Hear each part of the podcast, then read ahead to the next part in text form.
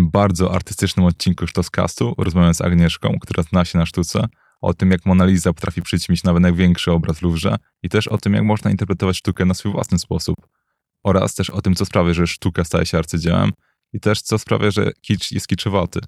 W pewnym momencie też nawet rozmawialiśmy na temat sztuki podrywu i jeśli chcecie zaimponować swoim znajomym o tym, jak Picasso tworzy swoje dzieła, to zapraszam serdecznie do dalszego cuchu. Dlatego, że ta rozmowa jest dość długa, to dla tych niecierpliwych mam znaczniki czasowe w opisie tego podcastu i tam możecie od razu przeskoczyć do konkretnego fragmentu. Ale już nie przedłużając, zapraszam do rozmowy. To zaczynamy. Bonjour. Bonjour! Dzisiaj będę rozmawiać z moim gościem o sztuce i trochę więcej na pogadamy dzisiaj. I jeśli możesz powiedzieć parę słów o sobie. Kim jesteś i czym się zajmujesz? Matko, to prawie tak jak w szkole, kiedy się przychodzi do nowej klasy i się nie zna uczniów i nauczycielka zadaje to trudne pytanie. Powiedz kilka słów o sobie. To nie jest tak prosto. Tak. Więc gdybym miała się jakoś przedstawić, to chyba tak, że nazywam się Agnieszka Kijas. Jestem krytykiem sztuki, ale to brzmi może tak trochę pompatycznie, tak krytyk sztuki, tak, tak troszeczkę nawet nie tak, jakbym chciała, żeby brzmiało, bo tak naprawdę to ja jestem osobą, która sztuką żyje, która kocha sztukę, a jeżeli coś się kocha, to się chce tym dzielić z innymi. I myślę, że chyba jestem osobą, która właśnie chce pokazać innym, że sztuka jest dla każdego, bez względu na wiek i pochodzenie. To chyba mnie najlepiej definiuje. No okej. Okay. No, znaczy nie, ja zawsze zadaję to samo pytanie gościom, bo mi się wydaje, że oni chyba najlepiej wiedzą, kim są tak naprawdę. Także nieważne, jakbym jak pisał, oni wiedzą, no najlepiej sobie. Mhm. I takie moje pierwsze pytanie, które będzie jakby powiedzmy tematem głównym lub takim jednym z ważniejszych pytań w trakcie tej rozmowy. E, chciałbym Cię porozmawiać na temat obrazu naprzeciwko Monalizy, bo wszyscy wiemy, że Mona Lisa jest w Louvre jeden z najsławniejszych obrazów, jeśli nie najsławniejszy obraz na całym świecie. I też chciałem nadmienić, że ty już nagrałeś o tym odcinek, bo też prowadzisz swój podcast, tak, nazywa się dawno temu sztuce. Tak, tak.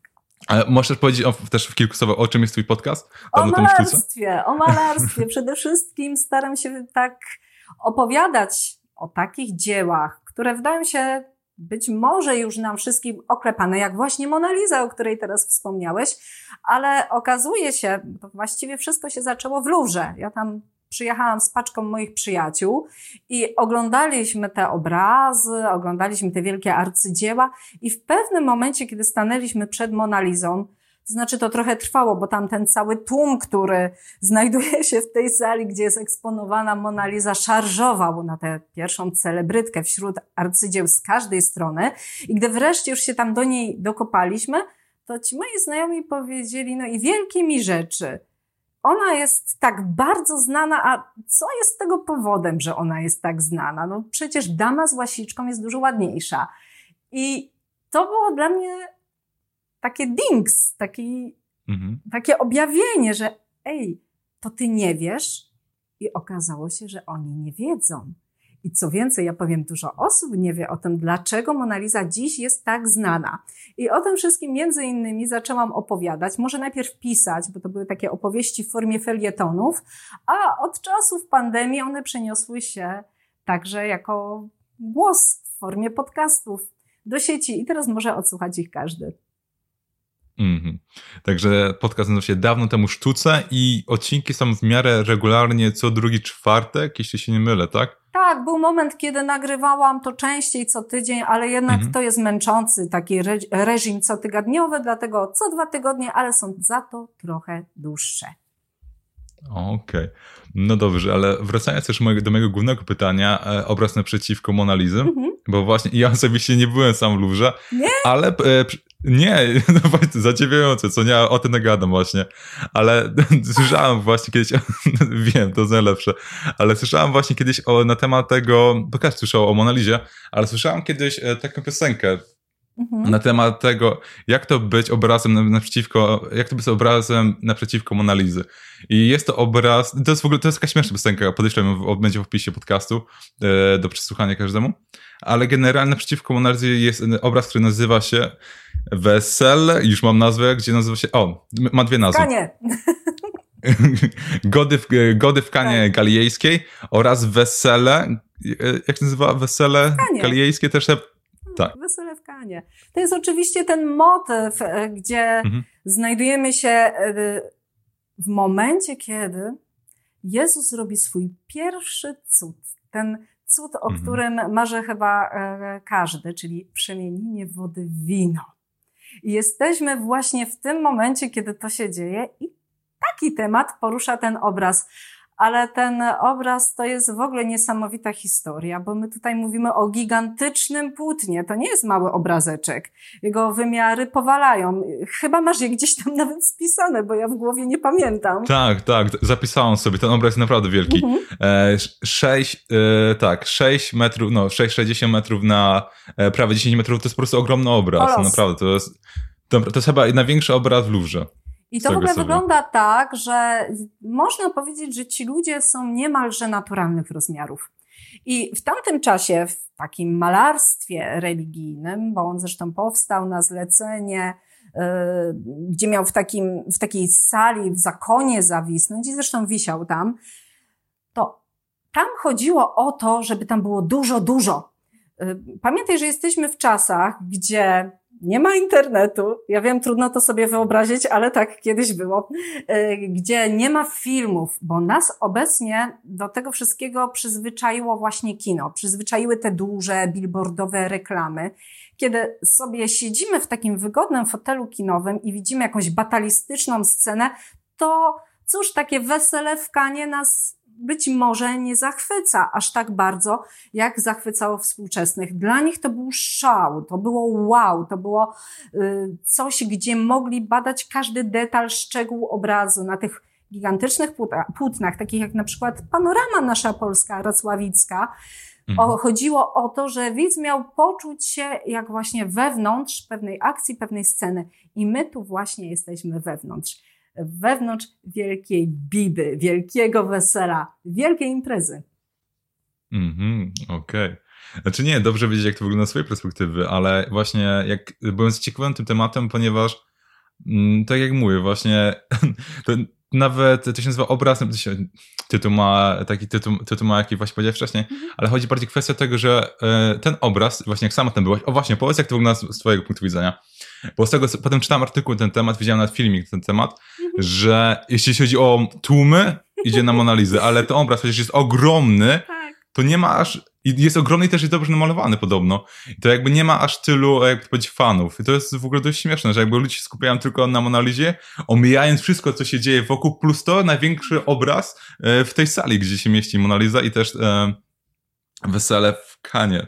Mam wrażenie, że to będę źle wymawiał, ale tak. Wesele w Kanie i tak ma całkiem się nieźle, bo to jest prawda. W ogóle to ja zrobiłam takie zabawne zdjęcie, bo ty mówisz, że gdzieś widziałeś, ale ja to mhm. widziałam na własne oczy, ja to musiałam uwiecznić, gdzie widać ścianę z Monalizą, bo ona jest wystawiona na takim specjalnym panelu za kuloodporną szybą. Dodatkowo od tłumu zwiedzających oddziela ją taka barierka. Jeszcze dodatkowo jest taki sznur, taki kordonek, że jak jest więcej mhm. tych widzów, to ten sznur się albo przybliża, bo jest ruchomy, albo oddala, żeby oni tak nie napierali. Zatem, kiedy mhm. mamy pecha, to stoimy naprawdę daleko od tego obrazu, go się nie da na dobrą sprawę zobaczyć, ale mimo wszystko każdy tam lgnie, każdy tam prze... Musimy zobaczyć królową malarstwa. A vis-a-vis tego arcydzieła, na tej ścianie naprzeciw, wisi taki gigant, taki kolos, mhm. gdzie po prostu każdy detal, każdy szczegół jest osobną akcją, bo tutaj mamy muzykantów, tutaj mamy jakiegoś karła, który zabawia młodą parę. Co więcej, te postacie na tym obrazie poubierane są nie w stroje tak jakby z czasów Chrystusa, kiedy to się rzecz dzieje, tylko oni są poprzebierani, my tego możemy nie zauważać, y, y, we stroje współczesne na tamte mhm. czasy, gdy on powstawał. My jesteśmy tutaj w XVI wieku. I to tak, ja, ja tak zażartowałam, że to jest taka wenecka biba po prostu. Jesteśmy świadkami, mhm. jak to się tam rozgrywa. Co ważne, tam nikt nic do nikogo nie mówi. Te postacie mają zamknięte usta. Tam się, słuchaj, tyle dzieje, bo to jest weselicho ale nikt nie otwiera hmm. ust, bo w miejscu, gdzie miał zawisnąć obraz, obowiązywały śluby milczenia. Zatem na tym obrazie Aha. postacie też milczą. To są takie detale, smaczki, szczególiki. no, ale fajne jest też to, że tam namalował się sam autor, e, czyli mhm. Waronezę. Werończyk, on namalował się w tam w takiej białej szacie na pierwszym planie i trzyma w ręce coś, co wygląda jak gitara, ale do końca gitarą nie jest, bo on ma smyczek, czyli jakiś mhm. ówczesny instrument muzyczny, jest muzykiem na pierwszym planie, a z tyłu za nim rozgrywa się cała akcja, całe wesele, cała impreza i przy stole głównym siedzi jedna, jedyna postać, która patrzy wprost na widza i de facto wprost na Monalizę. Teraz to jest taka, mhm. wiesz, taka zupełnie inna sfera interpretacji. I to jest mhm. Chrystus. W związku z tym oni się bacznie obserwują w tym Luwrze. Mhm. Właśnie też chciałem powiedzieć, że to jest jakaś taka ironia, że może na ten mhm. obraz wiele osób nie patrzy, ale najważniejsza postać, czyli Mona Lisa, właśnie na ten obraz patrzy się tak. cały czas. To jest jakby największy fan tego obrazu, tak. jeśli można tak to tak. powiedzieć w ten sposób. I to zdjęcie, no. które zrobiłam, pokazuje, że mhm. przy tym obrazie, przy weselu w Kanie, stoi tylko jedna osoba, a reszta jest obrócona do niego plecami i to jest takie zabawne. I wierzcie mi, to nie jest chwila, serio, to nie jest tak, że ja trafiłam mhm. na jakiś moment. To po prostu tak wygląda. Nikt nie zwraca na wesele uwagi. No, mhm. myślę, że wszystkie obrazy, które wiszą w tej sali, mają po prostu przegwizdane. Rozumiem. Jeszcze wrócimy za chwilę do analizy, ale też chciałem z, o, e, z własnego doświadczenia powiedzieć. Jak kiedyś byłem w Krakowie, e, chciałem zobaczyć damę z, e, z łasiczką, bo ponieważ jak byłem mały, jak dobrze pamiętam, to moja babcia miała kopię obrazu Damy z ścieżką, taka, taka prostania replika. I nie wiem, naglądałem się na, to, na ten obraz tyle razy właśnie, jak byłem oczy. I właśnie jak byłem w Krakowie, myślałem, myślałem sobie, muszę zobaczyć Damę z ścieżką, to po prostu trzeba. To Leonardo, Leonardo da Vinci, bo za mój ulubiony film to był właśnie Vinci. I myślałem, muszę zobaczyć ten obraz po prostu. I w końcu, jak dotarłem na ten obraz, to też były takie, no, niemało tłumy. W końcu docieram, no, po ten obraz, patrzę, patrzę i nie czuję po prostu nic. To jest właśnie, to było właśnie o. coś wszystkim było najgorsze. Bo Ojej. nie wiem, czy dlatego... Właśnie, nie wiem, czy to właśnie była kwestia tego, czy się naglądałem tak jakby, no, jak byłem młodszy, no, tą repliką mojej babci, czy to, że ten obraz jest tak sławny, że wszędzie go już naprawdę wiedziałem, że nie było tych samych emocji, ale to właśnie też chciałem, no, nadmienić, że mhm. e, teraz pytanie, czy, czy jeśli obraz nam się nie podoba, to znaczy, że my się nie znamy, a każdy właśnie, a każdy mówi, wychwala te obrazy, e, właśnie od tego, od czego to naprawdę zależy. I czy to jest złe, że właśnie powiedzmy, że jakby sam nie zrobiłem takiego wow, tylko zobaczyłem ten obraz, myślałem sobie, okej. Okay. I potem miałem wyrzuty sumienia tak naprawdę, że źle to, o, naprawdę wiem, jak to śmiesznie brzmi, ale potem miałem takie wyrzuty sumienia. Czy ja nie doceniam sztuki? O, o, co w ogóle w tym chodzi? Naprawdę źle się z tym czułem, że nie byłem bardziej pod wrażeniem tego obrazu. I też właśnie chciałem nadmienić, że czy... Czy właśnie kiedy oglądamy sztukę, właśnie no, pytanie jest, czy um, powinniśmy się zachwycać samą sztuką, jak my ją odbieramy, czy też jakby autorami tej sztuki? To Ojej, jest takie powiedzmy, ale Dużo pytanie. pytań, o. dużo pytań. Nie tak, wiem, czy ja je wszystkie spamiętam, ale odpowiem. To, to może to... Złapię się tej damy z łasiczką, bo po pierwsze to nie jest okay. łasiczka, tylko gronostaj, bo my tak hmm. bardzo często umownie sobie mówimy, że to jest dama z łasiczką, a to jest dama z gronostajem, ponieważ ten gr gronostaj to był pewien symbol. Tutaj o coś chodziło. E, ta kobieta, która została sportretowana, Cecylia Galeriani, ona była kochanką zamożnego władcy, szlachcica, którego symbolem mhm. właśnie był ten gronostaj. I to nie bez powodu mhm. pojawia się na tym płótnie. Ale zostawmy tę historię. Chciałabym wrócić do tego, co powiedziałeś, że na żywo obraz nie zrobił na tobie wrażenia i byłeś zawiedziony, że ej, halo, czy coś ze mną jest nie tak? Nie, wszystko z tobą jest tak i bardzo dobrze, że on nie zrobił na tobie wrażenia. To znaczy, nam nie robi, żeby nie było. Ale to mhm. nie znaczy, że z tobą jest coś nie tak. Każdy z nas inaczej odbiera sztukę. Po pierwsze, yy, uwolniłeś się od kłamstwa, bo wszystkie reprodukcje, które widziałeś do tej pory, wszystkie y, filmy, gdzie był ten obraz pokazywany, to było kłamstwo. To nie była prawda. To było to, jak ci ten obraz podawano, sprzedawano, w jaki sposób ktoś chciał, żebyś tego zobaczył, ale to nie był ten obraz. Zatem mhm. to, co się stało w momencie, kiedy zobaczyłeś damy z gronostajem, to była prawda. To była twoja chwila prawdy i jej chwila prawdy. No nie zdała tego egzaminu, niestety, oblała, mhm. ale to nie znaczy, że z tobą jest coś nie tak. Każdy z nas odbiera sztukę inaczej. To, że mi się coś podoba, to jest to mój własny subiektywny odbiór.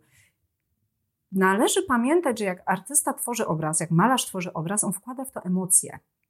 Zatem te emocje, ta jego energia w jakiś sposób jest utrwalona na tym płótnie. Jeżeli gramy na tych samych falach, to patrząc na ten obraz, ja poczuję też tę energię i wtedy się zdarzy ten magiczny dings. A jeżeli e, jego sposób wyrażenia się mi nie odpowiada, no to po prostu motyle nie zaczną latać. I tyle. To tak jak z piosenkami. Jedna piosenka będzie podobała mi się bardziej, a druga będzie zachwycała tłumę, ale ja w ogóle jej nie będę czuła. To jest energia mhm. i to jest emocja. Za to właśnie kocham sztukę, że dla każdego z nas jest indywidualna. O kurczę. To jest bardzo ciekawe i chciałbym ten temat kontynuować, ale już powiedziałem wcześniej, że wrócę do Monalizy, to więc na szybko też chciałem do niej wrócić, e, bo też kwestia tego, bo tuż przed nagraniem tego podcastu rozmawialiśmy na temat e, tego, jak obrazy tracą na kolorach przez, no, na przestrzeni e, wieków. I rozmawialiśmy też na, na temat Monalizy, że ten obraz, który teraz widzimy, to nie jest ten, to nie jest ten sam obraz, który malował Leonardo, więc możesz powiedzieć tak trochę więcej na temat tych kolorów, jak one blakną z czasem? Oczywiście, to znaczy to, że kolory blakną, to jest jedno. Oczywiście mhm. musimy przeprowadzać prace renowacyjne obrazów, żeby w jakimś sensie e, te arcydzieła nie niszczały, żebyśmy mogli je oglądać właśnie bez tego całego brudnego filtra, bo na Mona Lizę dziś patrzymy przez żółty filtr.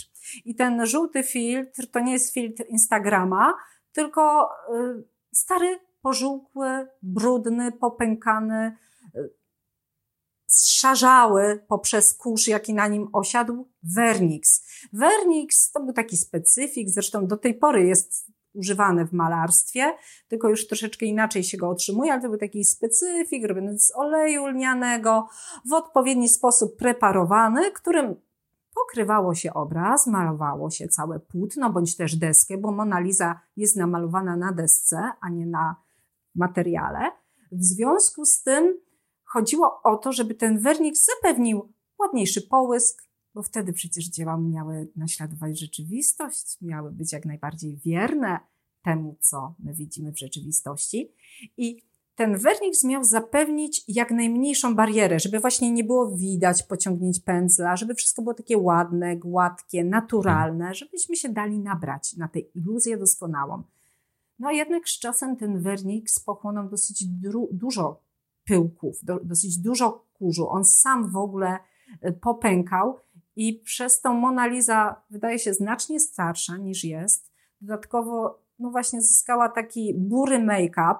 Jej strój to jest jakaś taka kapa brązowa, gdzie my nie widzimy w ogóle detali, koronek, nie widzimy, że ten rękaw jest czerwony, że tutaj jest niebieska szarfa, a wiemy o tym, że to tak wygląda, ponieważ została stworzona kopia Monalizy, dokładnie w tym samym czasie, co tworzył Leonardo. Jego uczeń również malował ten sam obraz, tę samą modelkę w takim samym ustawieniu. I to pozwala nam domniemywać, ponieważ ten obraz jest właśnie w odróżnieniu do Monalizy głównej, oryginalnej, ten bliźniaczy mhm. namalowany na płótnie i ten, tam kolor zachowuje się zupełnie inaczej, to pozwala nam domniemywać, że Mona Lisa wygląda nie w ten sposób, w jaki my ją obecnie widzimy. No, sęk w tym, że żaden dyrektor muzeum nie chce być tym dyrektorem, który zleci rekonstrukcję tego obrazu, ponieważ mhm. gdyby nie daj Bóg coś poszło nie tak, no to nie chciałby przejść do historii jako ten, który zniszczył najsłynniejsze arcydzieło. No, skutkiem czego jakość Monalizy nie dość, że pozostawia wiele do życzenia, to my i tak właściwie nie możemy jej zobaczyć. Lepiej ją się ogląda na reprodukcjach niż w rzeczywistości. O kurczę. No właśnie też chciałem powiedzieć, że nie wiem, jakieś może uda mi się pewnego dnia wyskoczy do Louvre, że tak powiem, tak przy okazji po prostu. Polecam. Nie, też, to też właśnie będę mieć na uwadze. I tak swoją drogą, jak byłeś może w, w Louvre, to też masz takie obrazy, które według ciebie, ja wiem, że dlatego, że pasja swoją sztuką, pewnie mogłeś mieć no, dość długą listę obrazów, które trzeba tam zobaczyć, ale takie, wiesz, takie... Must have. No, ale no, no po prostu było, nie wiem, wiesz, tak parę innych obrazów, które według ciebie, jak, jak się zobaczy Mona Lisa, to które po prostu powinno się zobaczyć według ciebie. Takie no dwa inne obrazy, powiedzmy. Ja polecam pójść na drugie piętro w Louvre, czyli tam, mhm. gdzie już prawie nikt nie chodzi, ponieważ tam można spotkać się z Batrzebą Rembrandta. Jest to obraz, który zachwyca. Ja zawsze mówię, że y, oni bardzo rozmyślnie układają obrazy Rembrandta. Bo kiedy człowiek już jest taki zmęczony, taki padnięty, kiedy już nie ma siły, bo już parę godzin chodzi po tym muzeum i tak ma już wszystkiego dość, to wchodzi nagle do sali, w której wisi Batrzeba. I zaczynają dziać się czary, bo ona z daleka cała świeci. Jest to kobieta naga, która tyle co wyszła z kąpieli, tam gdzieś u dołu jest suszka, która ją wyciera, ona trzyma w ręce list, jest taka zrezygnowana, patrząc na jej taką melancholię malującą się na twarzy. My wiemy, że prawdopodobnie jest to list od ukochanego, a znając historię biblijną Batrzeby, to łatwo nam się domyślić, jaką wiadomość właśnie przeczytała. I ona mhm. taka, tak zjeżdża trochę na tym fotelu i my chcemy podbiec i ją po prostu złapać, żeby ona z tej ramy nie wypadła. Tak malował mhm. Rembrandt. Kiedy patrzymy na reprodukcje Rembrandta w internecie, kiedy patrzymy na reprodukcje, które są w albumach, to wszystko wydaje się płaskie. Na żywo robi to zupełnie inne wrażenie, wręcz wyziera ze ściany. Ma się wrażenie, że wystarczy zrobić tylko jeden krok, podnieść trochę wyżej nogę, przełożyć ją przez ramę mhm. i już możemy dotknąć tych postaci tak malował Rembrandt, więc koniecznie Rembrandta zobaczcie. Jeszcze możecie sobie zobaczyć na pewno tratwę Meduzy. To jest bardzo spektakularny, też duży obraz, który mhm. został namalowany po ogromnej tra tragedii morskiej, gdzie zatonął statek, zatonęła e, cała, cała tak jakby, no po prostu poszedł na dno i tyle, co się tutaj będę dłużej rozwodzić nad tym wątkiem. Mhm. No i e, grupa rozbitków, która ocalała przez wiele dni, dryfowała na tratwie i tam naprawdę działy się dantejskie sceny. Ludzie zjadali ludzi. I został ten obraz przez Teodora Żeliko namalowany, a wisi tuż obok wolności wiodącej lud na barykadę. Te obrazy wyglądają bardzo podobnie, jeżeli chodzi o kompozycję, bo jest to kompozycja mhm. trójkąta. Naprawdę świetnie się na to patrzy. Więc myślę, że te trzy dzieła mogę wymienić i jeszcze warto sobie zerknąć na Leonarda, który jest również tam rozwieszony w korytarzu Leonarda da Vinci, bo nie tylko Mona Lisa, do niej się nie dopchacie. Jak się dopchacie, to i tak z daleka, bo nie, bliżej się nie da. Natomiast można zobaczyć sobie świętą Annę Samotrzecią, można sobie zobaczyć Jana Chrzciciela, Madonnę wśród skał, bo te prace Leonardo da Vinci też tam są i je już wręcz nos w nos można oglądać. Okej, okay, dobrze wiedzieć.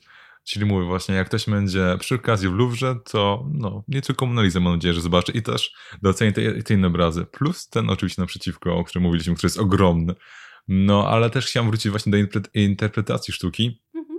bo na przykład jak mają, e, chodzi, jeśli chodzi na przykład o interpretację nie tylko, um, nie tylko obrazów, ale też jeśli na przykład chodzi o literaturę, wiersze i tak dalej, bo ja piszę wiersze dość tak amatorsko, raz na jakiś czas wrzucę po prostu w internet i pamiętam kiedyś wrzuciłem taki jeden wiersz, nie pamiętam dokładnie no, na temat czego on był, ale wrzuciłem go, potem czytam komentarz i osoba, która jakby ten wiersz przeczytała, e, po prostu jej interpretacja tego wiersza to, to zupełnie nie było to, co chciałam. Myślałam, Boże, nie, to w ogóle to nie, nie o to mi w ogóle tym wszystkim chodziło, to naprawdę. I wtedy jakby zrozumiałam, że czasami jak na przykład w szkole w szczególności, no, kiedy na przykład e, nauczycielka mówi, że autor napisał, e, że kurtyny są niebieskie, ponieważ czuł depresję i smutek.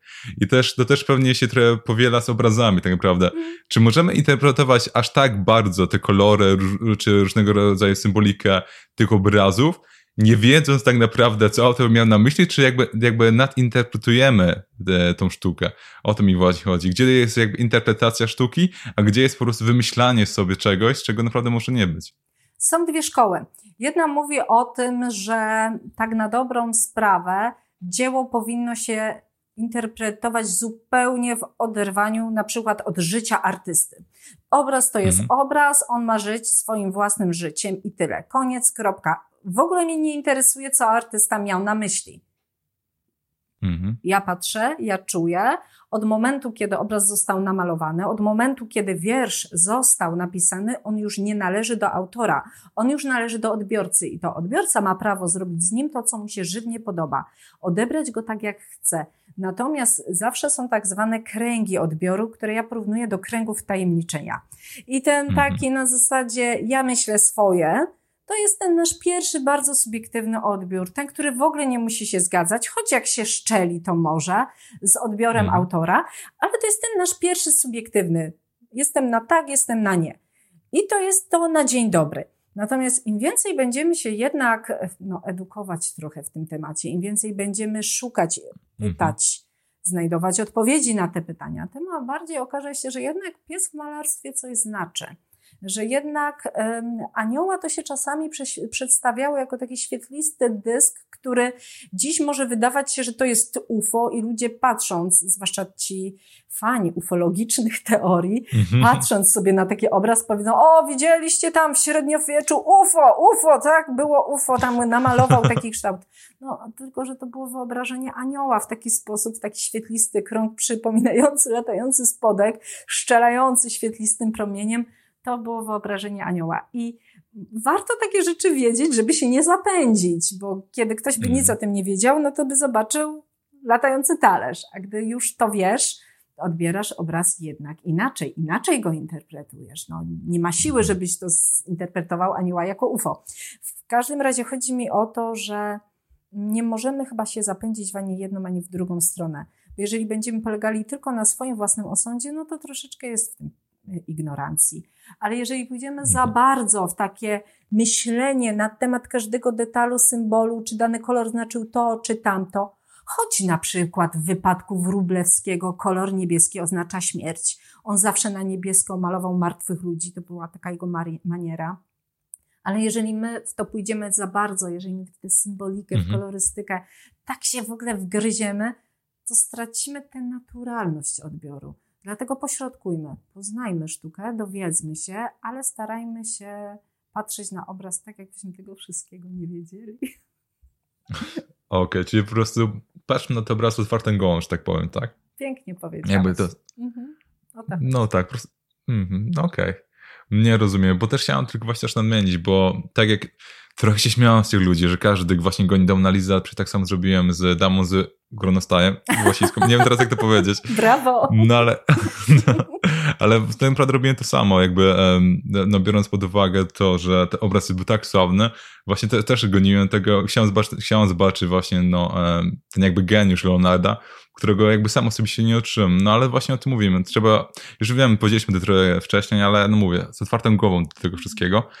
I też jedno, co też chciałem w ogóle nadmienić, bo przynajmniej mi się kojarzy to, że przeważnie, kiedy ja trafiałam na, na jakieś obrazy, czy do jakiejś, do jakiejś galerii, przeważnie było to przypadkiem, no się poza, poza tam z Łasicką Grunsteinem, to było akurat tak, że planowałem tam pójść, a przeważnie e, trafiałem na te obrazy, bo lubię muzea, lubię po prostu chodzić sobie po muzeach, bo jestem ciekawy takich rzeczy.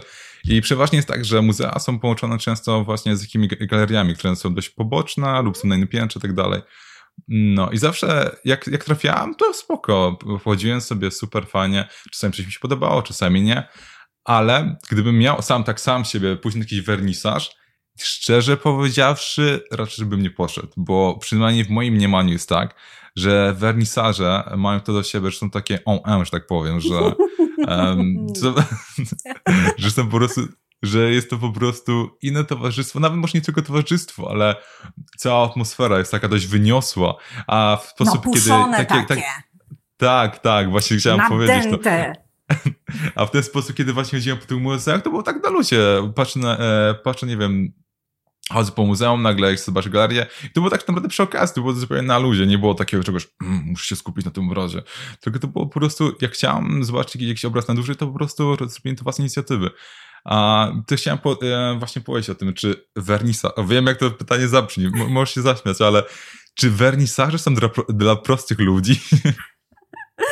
Ja myślę, yy, że wiesz, ja też nie przepadam za wernisażami. Jejku, teraz mhm. na pewno jak to powiem, to może moje środowisko artystyczne wymierzyć we mnie jakieś razy, bo oczywiście mhm. jestem bardzo często na wernisaże zapraszana i ja na nie przychodzę, ale nie lubię ich dokładnie z tych samych powodów, o których powiedziałeś. Są nadęte, są napuszone. Bywa też tak, że tak jakiś pomysł się na te wernisaże wyczerpał. Czasami owszem, mogą to być bardzo ciekawe obrazy, ale niekiedy zdarza się tak, że spotykam i mijam wśród ludzi, których, y, których tam możemy zobaczyć, mhm. osoby w takich bardzo charakterystycznych, romantycznych szalach, z takim zamglonym spojrzeniem, w takich wystylizowanych strojach, fryzurach. Ja się tak czuję dziwnie, bo Boże drogi, ja ubrałam sobie czarny golf, czarne spodnie i tak może to trochę nie wypada, może ja powinnam mhm. wyglądać inaczej, bardziej, bardziej się tutaj odróżniać. W związku z tym ja się też czuję zawsze trochę mm, y, nie na miejscu, kiedy jestem na wernisażu. Wolę zwiedzać mhm. galerię i do tego też zachęcam, samotności. Wtedy lubię najbardziej, kiedy nikogo nie ma, kiedy mogę pobyć z obrazem tak naprawdę sam na sam, kiedy mogę go poczuć. I ja jestem teraz świeżo po takim pierwszym moim pokowidowym wernisażu, który e, miał miejsce w moim mieście, czyli w Tychach na Śląsku. Mhm.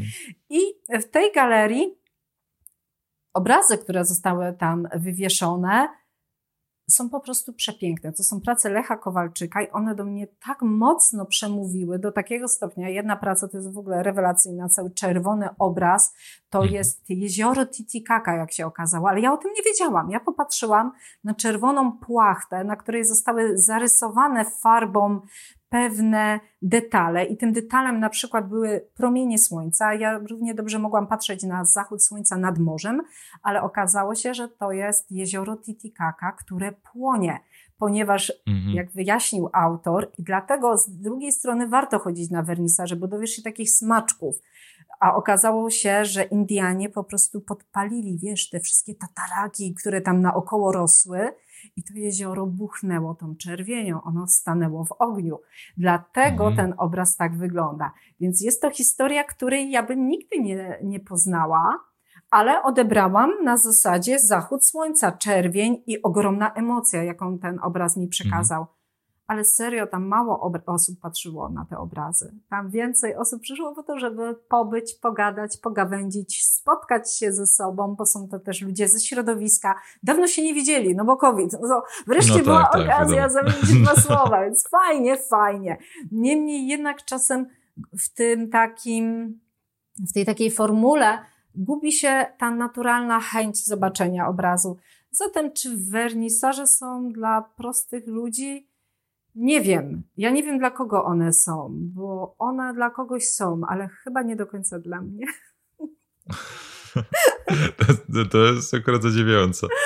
Ale też jakby też chciałem to podpytać, bo um, nie teraz czytam, jestem w trakcie teraz czytam takiej książki, no nazywa się Nie ma, którą pisze Mariusz Szczygieł i tam e, jest, e, pisze reportaże na temat niektórych ludzi i tam jednym z bohaterów tych reportaży jest Tomasz Górnicki, który jest rzeźbiarzem i on jest dość kontrowersyjny, bo jego rzeźby można znaleźć w dość nietypowych miejscach i też postacie, jakie rzeźbi, są też po prostu dość kontrowersyjne, ale na jednym, co, e, co było ciekawe w tym całym reportażu, um, on powiedział, że on nie lubi właśnie wernisaży z tego, się Tomasz Kornicki powiedział, że nie lubi wernisaży z tego powodu, że tam jest to jakby cała, ta, ta sama śmietanka, jakby tam nie ma nowych ludzi, są albo studenci z ASP, albo są właśnie, jak ty powiedziałaś, są, są cały, cały czas ci sami ludzie, że jakby nic naprawdę się nie zmienia. Jeśli Więc dlatego mogę, on... Swo- na mhm. sekundę ci przerwać, bo jeszcze pojawia się tam jedna grupa. Tam się pojawiają tak zwane elity.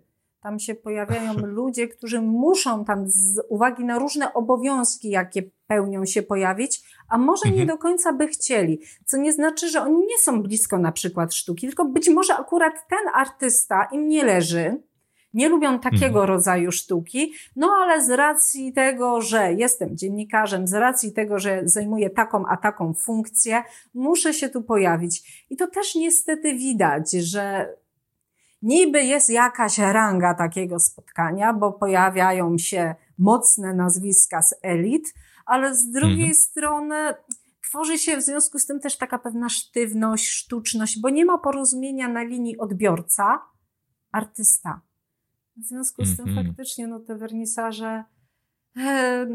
No nie jestem osobą, która się odnajduje w wernisażach, chociaż na nich bywam, właśnie z racji tego, że chcę zobaczyć obraz. I okay. idę i patrzę na obrazy, a umiem się wyłączyć z tego, co się dzieje naokoło. O, dobrze wiedzieć, nie wiem. Może jakiś, może jakieś przekonam, że taki wernisaż. W sumie każdemu zachęcam do spróbowania nowych rzeczy, także jak ktoś nie będzie na wernisażu, skoro ja się spróbuję przełamać, może reszta też i może... Wiesz co, ja e, czasami, organi- ja czasami organizuję finisarze. I to polega na tym, mm-hmm, że oprowadzam ludzi na zakończenie wystawy i opowiadam o tych obrazach, o swoim subiektywnym odbiorze. I to jest właśnie taki dzień, kiedy mówię, że dzisiaj jest nieważne, co artysta miał na myśli. dzisiaj jest ważne okay. to, co mówię ja, bo ja jestem odbiorcą sztuki i od tego momentu, kiedy obraz wisi na tej ścianie i ja na niego patrzę, on należy do mnie i mam prawo go interpretować. I w ten sposób wyglądają Czy to te szkoła. spotkania. Okej, okay, no rozumiem. No dobrze, ale też chciałem dokończyć ten temat e, Tomasza Górnickiego, sposób jak on to robi. On niektóre swoje właśnie, jakby to powiedzieć, rzeźby czy instalacje umieszcza w miejscach publicznych. E, chyba jedna z takich bardziej znanych to była rzeźba Jezusa i to było w trakcie pielgrzymek w Częstochowie, że miał jedną rzeźbę, którą wystawił, gdzie jakby Jezus szedł z krzyża gdzie po prostu siedział w klapkach kuboty i na krzyżu, z którego szedł, było napisane give me a break. I to po prostu, i ci, ci wszystkie jakby pielgrzymi, którzy szli, no, szli jakby do, to było chyba, to było w Częstochowie, tak, czyli, czyli pielgrzymi, którzy szli na Jasną Górę, przechodzili obok tego i po prostu, no, byli pewnie w niemałym szoku. I też kolejną jaką instalację miał, to była taka instalacja w Warszawie i to było chyba, e, to było w jakimś tunelu, ale nad, nad tym tunelem było jakieś przejście i to było tak, e, najlepiej to będzie, jak ktoś pisze sobie w Google, żeby wiedział, o czym mówię, ale to było, to działa na zasadzie, że e, rzeźbę, którą zrobił, ma takie wielkie czarne oczy, taki smutek na twarzy, jakby ona jest poniżej tego przejścia, czyli mamy jakby ten tunel, ona jest jakby w tym tunelu, jakby gdzie jeżdżą samochody, a na tym jest takie przejście dla przechodniów i ona była jakby dosłownie na granicy tego cienia, z tego światła, co, co idzie z mhm. góry, i właśnie jak patrzymy na to, to widzimy te wielkie, smutne oczy, widzimy tą jakby postać. To nas w ogóle też takiej, um, takiej pozycji, jakby skulonej, siedzącej, coś takiego, ale czujemy takie jakby, tak, dokładnie. Dlatego mm, ja, ja o tym mówię, ale najlepiej zobaczyć, zobaczyć, wpisać sobie Tomasz Górnicki i tam, nie wiem dokładnie jak się nazywa, chyba na granicy cienia, coś takiego nazywa się ta rzeźba. I no mówię, to była instalacja właśnie um, publiczna, bez pozwolenia. I, ale właśnie on to robi dla zasady, dlatego, że ludzie, którzy chodzą na te wernisaże, no obejrzałaby ją mało graska osób, a tak, to było jakby, ta jego sztuka miała kontakt z rzeczywistością, że tak powiem. Mm -hmm. O, właśnie to chciałem powiedzieć, bo wernisaże to może być taka jakby zamknięta bańka, a kiedy wystawiamy coś na publiczne, jakby to powiedzieć, um, żeby normalne, spo, normalne społeczeństwo, żeby reszta społeczeństwa mogło właśnie zobaczyć te, tego, no, te, no, taką sztukę, żeby też miała z taką interakcję, bo wtedy właśnie możemy sami interpretować, e, jak to widzimy. Także chyba, w, e, jeśli chodzi o tą akurat instalację, jemu wtedy chodziło na temat, to był chyba temat uchodźców, jak oni są e, w cieniu w naszym społeczeństwie. No mówię, to właśnie no, to, była jego, to był jego zamysł, ale gdy ja patrzyłem na zdjęcie, bo nie widziałem tego na żywo, bo to było chyba usunięte po paru dniach, ale gdy ja widziałem zdjęcia, ja widziałem zupełnie co innego. Myślałem o takich o innych postaciach, które w społeczeństwie, na przykład mi się skojarzyło z bezdomnymi na przykład, który, który nam codziennie jakby nie widzimy, bo są jakby w cieniu tak naprawdę. Ale to była moja interpretacja i też i, a, moja interpretacja była trochę inna od inter, interpretacji e, autora, także... Ale mówię, jednak mhm. było wykluczenie, czyli ten mianownik był wspólny, w jakiś sposób jakieś wykluczenie, życie na granicy wykluczenia, e, ktoś, jakaś grupa społeczna, która jest e, odsuwana od reszty. Mm, tak, Zatem tak, tak. bez względu na to, czy to jest bezdomność, bez względu na to, czy to będzie mniejszość e, etniczna, mniejszość seksualna, to można włożyć we wspólny mianownik. Ja bym powiedziała, że dobrze to odczytałeś, tylko po prostu ten licznik się nie zgadza. Mm, no to, ale, no ale, tak. ale ten główny zamysł autora jest w moim odczuciu tutaj zrozumiany. To nie jest tak, że on powiedział białe, a ty, że powiedziałeś czarne. Wyście mhm. się spotkali na tym szarym.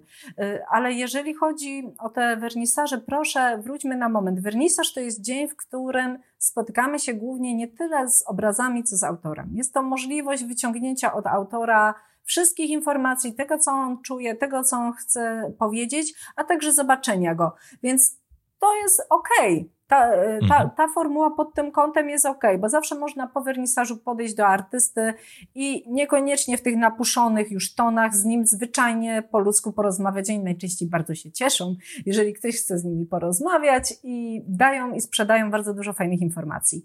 Natomiast mhm nie chciałabym, żeby to był taki wydźwięk po naszej rozmowie, że wernisaże to zło. Niektórzy ludzie to są naprawdę takie zwierzęta wernisażowe, że oni się tam świetnie tak odnajdują i im to zostawmy, jasne. Paradoksalnie ja jestem introwertykiem i może dlatego tak nie przypadam za takim tłumem mhm. wernisażowym, ale uważam, że galerie sztuki robią świetną robotę, bo tam można przyjść po wernisażu, ten dzień po, dwa dni po i tam naprawdę się ekstra odnaleźć. To jest rewelacyjna przestrzeń dla sztuki. Co do tych takich street artowych z kolei mhm. E, intencji, idei, to jest coś, co ja kocham i popieram. Wychodzimy ze sztuką do ludzi bo właśnie jeżeli nie da się ich do tej galerii zaprosić, czymś zaciekawić, zwabić, mhm. jeżeli oni uważają, że w tej galerii jest właśnie nuda, to pokażmy, że jej nie ma.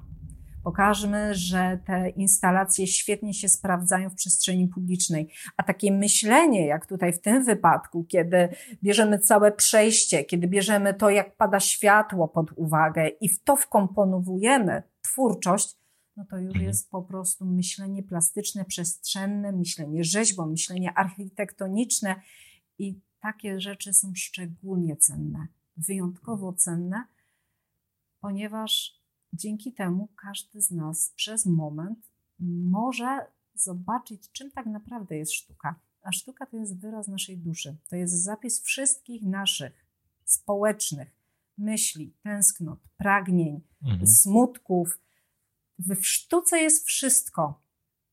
Kiedy zobaczysz taką instalację, mhm. to może ci to po prostu zwalić z nóg. No tak.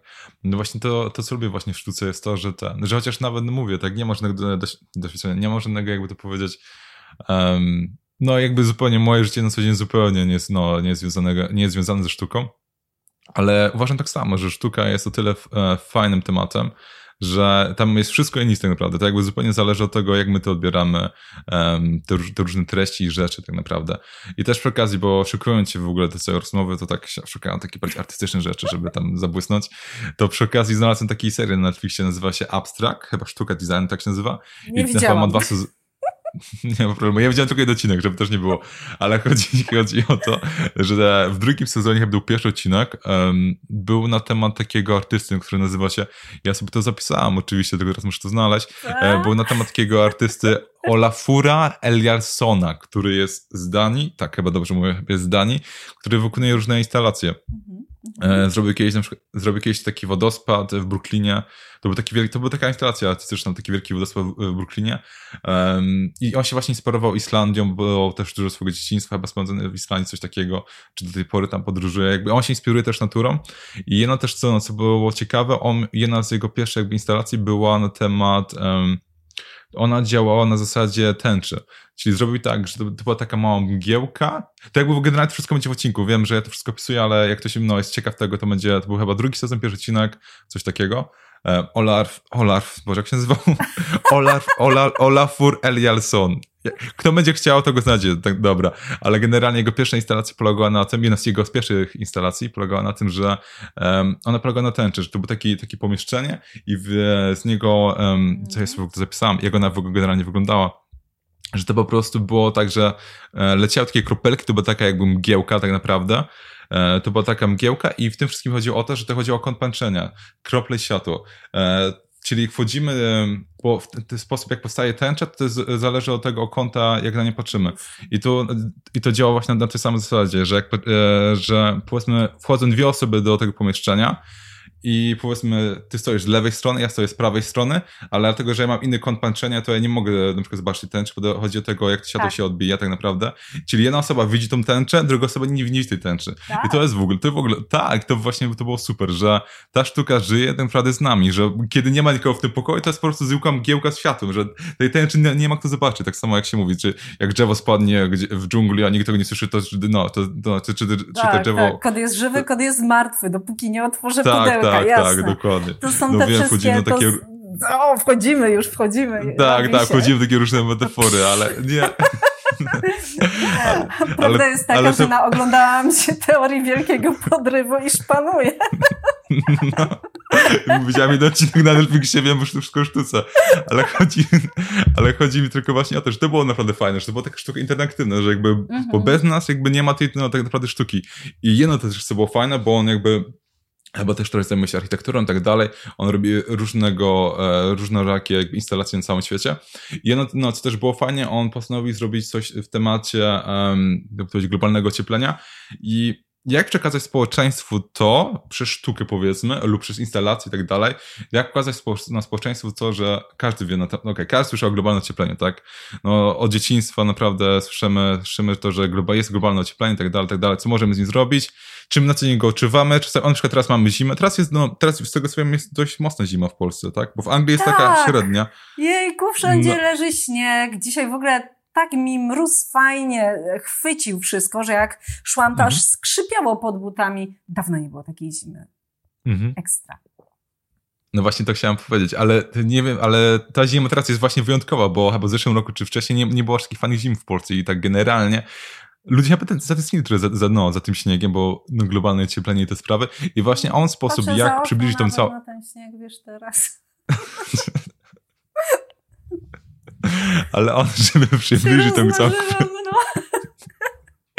Ale on, żeby przybliżyć tą całą kwestię tego, kwestię globalnego cieplenia, postanowili, o to jest w ogóle gruby temat, że to w ogóle udało się zrobić, e, postanowili, e, to brzmi naprawdę ciekawie, postanowili e, wziąć lodowce, które jakby oderwały, no, gdyby, no, na wodach Grenlandii, które sobie tam mhm. pływają, Mhm. Postanowili przetransportować z Grenlandii na plac ratuszowy w Kopenhadze. Czyli mamy lodowce, które dlatego, że jest globalne cieplenie, tam się oderwały i tak sobie płyną i tak dalej.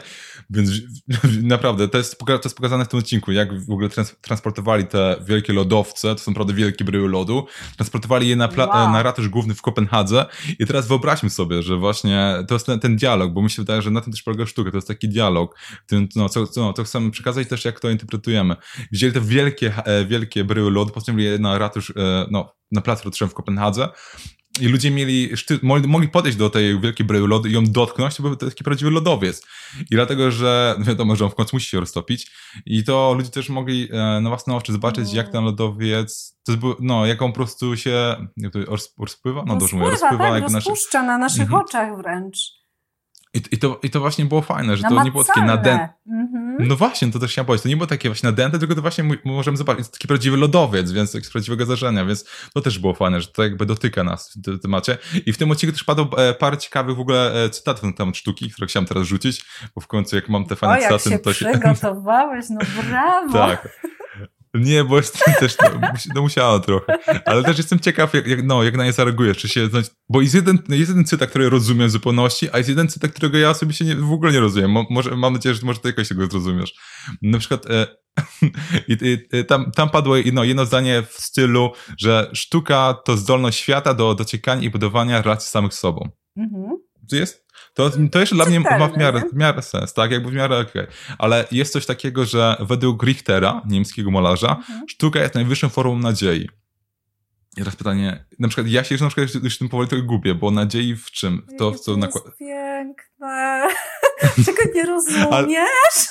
No właśnie, to jest najlepsze, właśnie, że... To... No, to właśnie o to ty ja mówisz. Ja się już wzruszyłam, słuchaj. No właśnie, to, no właśnie jak sztuce, że inaczej każdy interpretuje niektóre rzeczy. Bo według mnie tak myślę, ale nadziei w czym? W czym pokładamy? Czy o, o co tu chodzi? Więc jestem ciekaw właśnie, jak ty na to patrzysz. No po pierwsze, ja tak sobie odbieram to, że coś po nas zostanie. Jeżeli taki mhm. artysta tworzył obraz przed wiekami, albo ha, ha, ha, przed milionami lat, kiedy znajdujemy się w jaskini Lascaux i widzimy mhm. te odbite ręce, albo widzimy te gigantyczne byki, bo nam się wydaje, że to są takie małe byczki tam namalowane, mhm. ale to są wielkie, dwumetrowe byczyska, to nagle okazuje się, że myśmy tu byli. Ej, to jak myśmy tyle przetrwamy, to my jeszcze przetrwamy tego COVID-a i to całkiem spokojnie, z palcem w nosie. W mhm. każdym razie chodzi mi o to, że sztuka może dawać nadzieję, także nie tylko, wiesz, takiej nieśmiertelności twórcy, ale może dawać ogólnie społecznie nadzieję, ponieważ w sztuce wszystko już było, tak jak w życiu. Były miłości, mhm. były załamania, były zdrady, były wojny, były klęski, katastrofy, morderstwa i my ciągle tu jesteśmy. To jest ta nadzieja. Sztuka jest najwyższą formą nadziei. Jejku, jakie to jest piękne. O Jezu. Okej, okay. to, to jest naprawdę... No dobra, dlatego właśnie chciałam zaprosić ciebie do podcastu, żeby interpretować tego typu cytaty. Dobrze, Jejku, ja się nie, naprawdę dobrze, wzruszyłam, jak ty to powiedziałeś. Okej, okay, to jest... Nie, to, to jest akurat ciekawe. Ale, bo też co... Ale też w ogóle nie, naprawdę, jak ktoś, bo też ja w ogóle mam taki, ja mam też takie, taką małą serię sztosy polecane, więc taki polecam ten, ten e, jak się nazywa, abstract, sztuka designu, to jest taki seria na Netflix, także polecam komuś. Włączę sobie, nie... włączę sobie, bo ja nie widziałam. nie mam no, pojęcia no, no, ktoś, to, ktoś to tego nie widział. A też to chciałem przejść do twoich odcinków, co nagrałaś, bo niedawno wpadł odcinek na temat Picasso.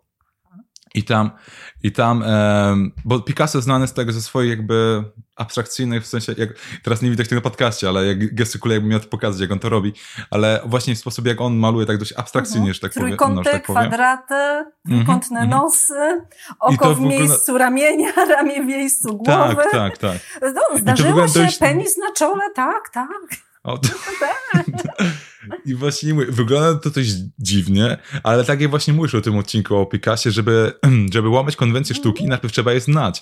Więc jakby mogłeś powiedzieć e, wcześniej, że czy wiesz, że na czym to w ogóle polega, bo ktoś inny, ktoś zupełnie nie zna się na sztuce, mógłby tak jakby namalować to na swój sposób, ale z racji tego, że wiemy, że Picasso znał się na sztuce, więc to może ja nie będę nic mówił, może ty to dopowiesz, bo myślałem, że powiesz to lepiej.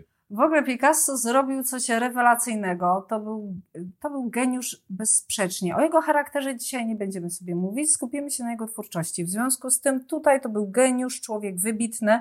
Jeżeli ktoś mi mówi, że e, no Picasso, to, to, czym tu się zachwycać, ja bym lepiej to zrobił, narysował, mm. co to jakieś maszkarony po prostu nie zna się na sztuce. Miejmy trochę jednak pokory wobec tej sztuki. Jeżeli się na mhm. niej nie znamy, to a y, mamy w sobie taki jakiś, taką dziwną chęć, żeby wszystko nazwać, żeby być ekspertem, żeby wiedzieć mhm. lepiej. Jeżeli nigdy nie interesowałeś się historią sztuki, to kurczę, trochę pokory. Może najpierw się dowiedz, dlaczego my cenimy tak tego Picassa i mówimy, że on był geniusz. A był geniuszem dlatego, że on świetnie malował. On już jako dwunastolatek, ba, nawet jako czterolatek już zaczynał, ale jako dwunastolatek to on tworzył tak realistyczne, genialne, sakralne obrazy do kościołów, że głowa mała, mężczyźni dorośli, którzy byli malarzami i zajmowali się tym samym, no to mogli się od Picassa uczyć, od tego smarkacza, mhm. dwunastolatka. I chodzi o to, że on w pewnym momencie stwierdził, że on złamie wszystkie normy. On złamał kanonu piękna, no bo przecież to była święta krowa malarstwa, piękna kobieta, mm. naga, wymuskana, tutaj tego, śmego, fon, fon, fon. Mm. A przychodzi sobie Picasso i maluje właśnie takiego potwora, maszkarona. On totalnie zadrwił z piękna, z władzy, z wolności. On te wszystkie rzeczy wywrócił do góry nogami i no nie ukrywam, to był szok. To był brutalny zamach na malarstwo, ale ten zamach spowodował tyle, że myśmy się troszeczkę uwolnili z pewnej takiej nudnej konwencji, w którą zaczęliśmy wpadać i weszliśmy na zupełnie nowe tory. Zatem Picasso, Picasso to jest w ogóle taki twórca, który był płodny w każdym gatunku i do końca swojego życia, a żył bardzo, bardzo długo. To nie było tak, że umarł w wieku 30 lat, tylko przeżył życie naprawdę mhm. solidnie i do końca zachwycał. Za każdym razem coś nowego. Nawet ceramiką się zajmował, słuchaj. Talerzyk mm -hmm. z Picassem, proszę o, bardzo. Proszę. Mm, nie, to no, nie wiedziałem, szczerze powiedziawszy. Mm, ale właśnie to chciałem powiedzieć, że bo czasami właśnie dlatego w, w tych właśnie tych przypadkach historia sztuki jest taka ważna, że żeby wiedzieć właśnie e, na co patrzymy, bo tak mówiliśmy, że my możemy to interpretować na swój sposób, no jak to widzimy, ale właśnie wiedząc to, że Picasso malował bardzo dobrze i robił to specjalnie, robi, mm, jak to powiedzieć? Tak, dobrze powiedziałeś, specjalnie, on to robił rozmyślnie, to był jego plan. On chciał malować w ten sposób, żeby tak jakby odejmować od, od bryły. Słuchaj, to jest fajny przykład i myślę, że to zobrazuje, jak on pracował. On wychodził od bardzo realistycznej postaci byka. Tam widać każdy włosek na sierści tego zwierzęcia. Tam jest wszystko, czyli po prostu byk jak się patrzy. I mhm. potem stopniowo upraszczał te kompozycje. I to nie było tak, że najpierw jest byk, a potem są trzy kreski, tylko stopniowo. Najpierw odejmował sierść na przykład, tak? Potem z tej takiej mięsistej, realistycznej nogi robił e, te takie zarysy, że tu będzie koło, tu będzie trójkąt, mhm. ale to jeszcze ciągle wygląda jak byk. Potem już nagle pojawia się, że zamiast bardzo charakterystycznie w półokrąg wyrzeźbionego załóżmy, no nie wiem, tego stawu biodrowego zwierzęcia, nie jestem zoologiem, nie wiem, czy dobrze mówię, to pojawia się jakiś mhm. trójkąt w tym miejscu, robi się geometryzacja. By na samym końcu, po któryś tam studium, nie wiem, czy 12, 14, 16, 5, mhm. dojść do tego, że z byka wystarczy tylko dwie kreski, które kadłubek nam mhm. zaznaczą, kreseczki na nóżki, zrobić u góry rogi i na dole, no to słynne przyrodzenie bycze i mamy byka. Mhm. I już każdy wie, że to jest byk. Czyli synteza, odejmowanie, sztuka odejmowania, odrzucenie wszystkiego, co jest zbędne, by został sam właśnie ten substrat byka. Na tym to polegało. O kurczę. No, nie, naprawdę bardzo ciekawa wypowiedź. To jest, to jest w ogóle fajne w tym podcastie, że naprawdę wiele się uczy od swoich gości. I też właśnie chciałem to namienić, że jak mam właśnie hiperrealizm i właśnie mam taką sztukę, która wydaje się być prosta, i wielu właśnie osób mówi, że jak mamy hiperrealizm, to jest prawdziwa sztuka, że to jest prawdziwy talent, to jest prawdziwy kunszt i właśnie tu mamy te kreski i tak dalej i właśnie przy takie coś możemy się dowiedzieć, że sztuka nie polega na tym, według, no, przynajmniej w mojej opinii tak to jest, że hiperrealizm to jest naprawdę kunszt. Żeby namalować coś, co wygląda tak hiperrealistyczne, no, jak nazwie, to naprawdę trzeba mieć do tego talent. Ale też, żeby namalować to, jest w ogóle ciekawe, że to o jest, do, do, dobra, wiem, nie, nie, chciałem, żeby to zabrzmiało aż tak banalnie, ale sztu, sztuką w Picassie jest to, czego nie widzimy. Tak? Dawaj, banał. Tak, ale, ale nie, właśnie sztuką właśnie w Picassie jest to, czego tak naprawdę nie widzimy. Tak, jak sam powiedziałeś, że to jest jakby dekonstrukcja tego. Tak, że tak. Się właśnie musi, mm, że właśnie się musimy cofnąć. Także kolejnym razem, jak spojrzymy na coś, co wydaje się, gdzie czegoś brakuje, to może jednak warto się zastanowić, warto jednak um, użyć swojej wyobraźni i wypełnić te luki, które no, właśnie brakuje nam na obrazie. Bo to jest no, też, to też tak, mhm. że e, żeby zrozumieć sztukę, chociaż część osób powie mi, zrozumieć sztukę trzeba poczuć, bo to są emocje, ale to takie umowne słowo, zrozumieć, poczuć, mhm. Y, y, nie czepiajmy się tego, ale żeby właśnie ogarnąć, o co w niej chodzi, mhm. to trzeba zobaczyć tysiąc obrazów i przy tym tysiąc pierwszym to już się wie. I faktycznie mhm. jest w tym coś. Jeżeli będziemy tę sztukę poznawać codziennie po trochu, tak jak był mały książę, i mhm. był lis. I ten lis codziennie mówi: przychodź tu, księciu, i siadaj sobie o krok bliżej do mnie, to mnie oswoisz. I my sztukę właśnie też musimy uswoić. To jest takie dobre porównanie. Czyli coraz więcej zaglądać y, do albumów, do, na witryny internetowe poświęcone sztuce, znaleźć osoby, które o tym opowiadają, piszą w taki sposób, który nam odpowiada, bo jednemu będzie się podobał styl bardziej naukowy, włóczony, gdzie ktoś będzie rzucał datami, bo sobie będzie mógł to jakoś uszeregować, kto inny woli swobodną dyskusję. To wszystko jest. Sięgnijmy, spróbujmy, pójdźmy na ten wernisaż, zobaczmy, czy nam się to podoba, czy nie, ale skoncentrujmy się trochę na obrazach, nie tylko na gościach. Pójdźmy do galerii od tak, pójdźmy sobie do muzeum na randkę. Weź laskę i idźcie po prostu sobie oglądać, zwiedzić, gdzie ty jesteś, gdzie ty mieszkasz, gdzie macie tam Tate, tak? Jeszcze nie, nie, nie w Anglii obok Birmingham. Macie tak. tam jaką, jakąś fantastyczną galerię, no to idź. Wcześniej tak, mamy. jasne, wcześniej sobie zerknij w internecie, e, jakie tam są obrazy, wybierz kilka, dowiedz się coś na, jej, na ich temat i po prostu opowiedz swojej pani o tych obrazach. Zobaczysz, ona będzie mhm. zdziwiona. Ty, ej, skąd ty to wiesz? Nagle się zrobi ciekawie. A później ona powie, ty wiesz, a wiesz, że ja słyszałam, że Picasso to to i to i to, albo że krzyk Munka to Dekonstrukcja. To... Tak. I nagle się zacznie tworzyć taka cała fajna, ciekawa historia. Mhm. Wiele, wiele razy, no to tak zabrzmi śmiesznie, ale ale można poderwać na sztukę, serio. Właśnie to jest prawdziwa sztuka. O, i, o, I dlatego się nazywa sztuka podrywa. Tak, Boże, tak. sztuka podrywu. O, no. Tak, podryw na sztukę, sztuka podrywu. Świetnie. Ale mm. na serio, można zrobić z tego... Zresztą mówi się, że ile obrazów, ile piosenek, ile utworów literackich powstało tylko po to, bo facet chciał poderwać dziewczynę. No. Ot i wszystko. Miłość jest wszędzie, w sztuce też. No tak, ale też kolejne pytanie, które mam, e, to coś takie pytanie, jak odróżnić, bo mamy tu sztukę, mamy arcydzieło i mamy kicz. O. Tak przynajmniej ja ten razie rozdzielę. I teraz pytanie, jak to wszystko rozdzielić?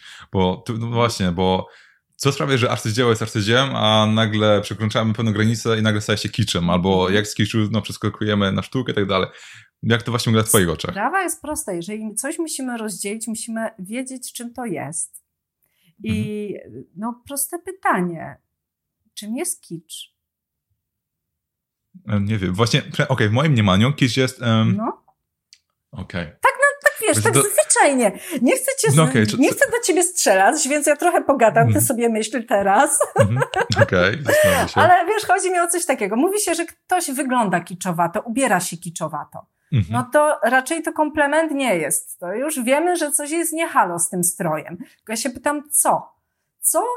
Y, czym ten kicz jest, że on, wiemy, że jest niechciany, to na bank, nie? To jest coś, no nie chcemy wyglądać kiczowato, mhm. albo nie chcemy mieć kiczowatego wystroju, no chyba, że mamy taką konwencję i robimy to specjalnie, to co innego. Ale mhm. jeżeli się staramy, to nie chcemy usłyszeć, że coś, co mamy, jest kiczowate. W ogóle ktoś może się kiczowato zachowywać osobowość kiczowata.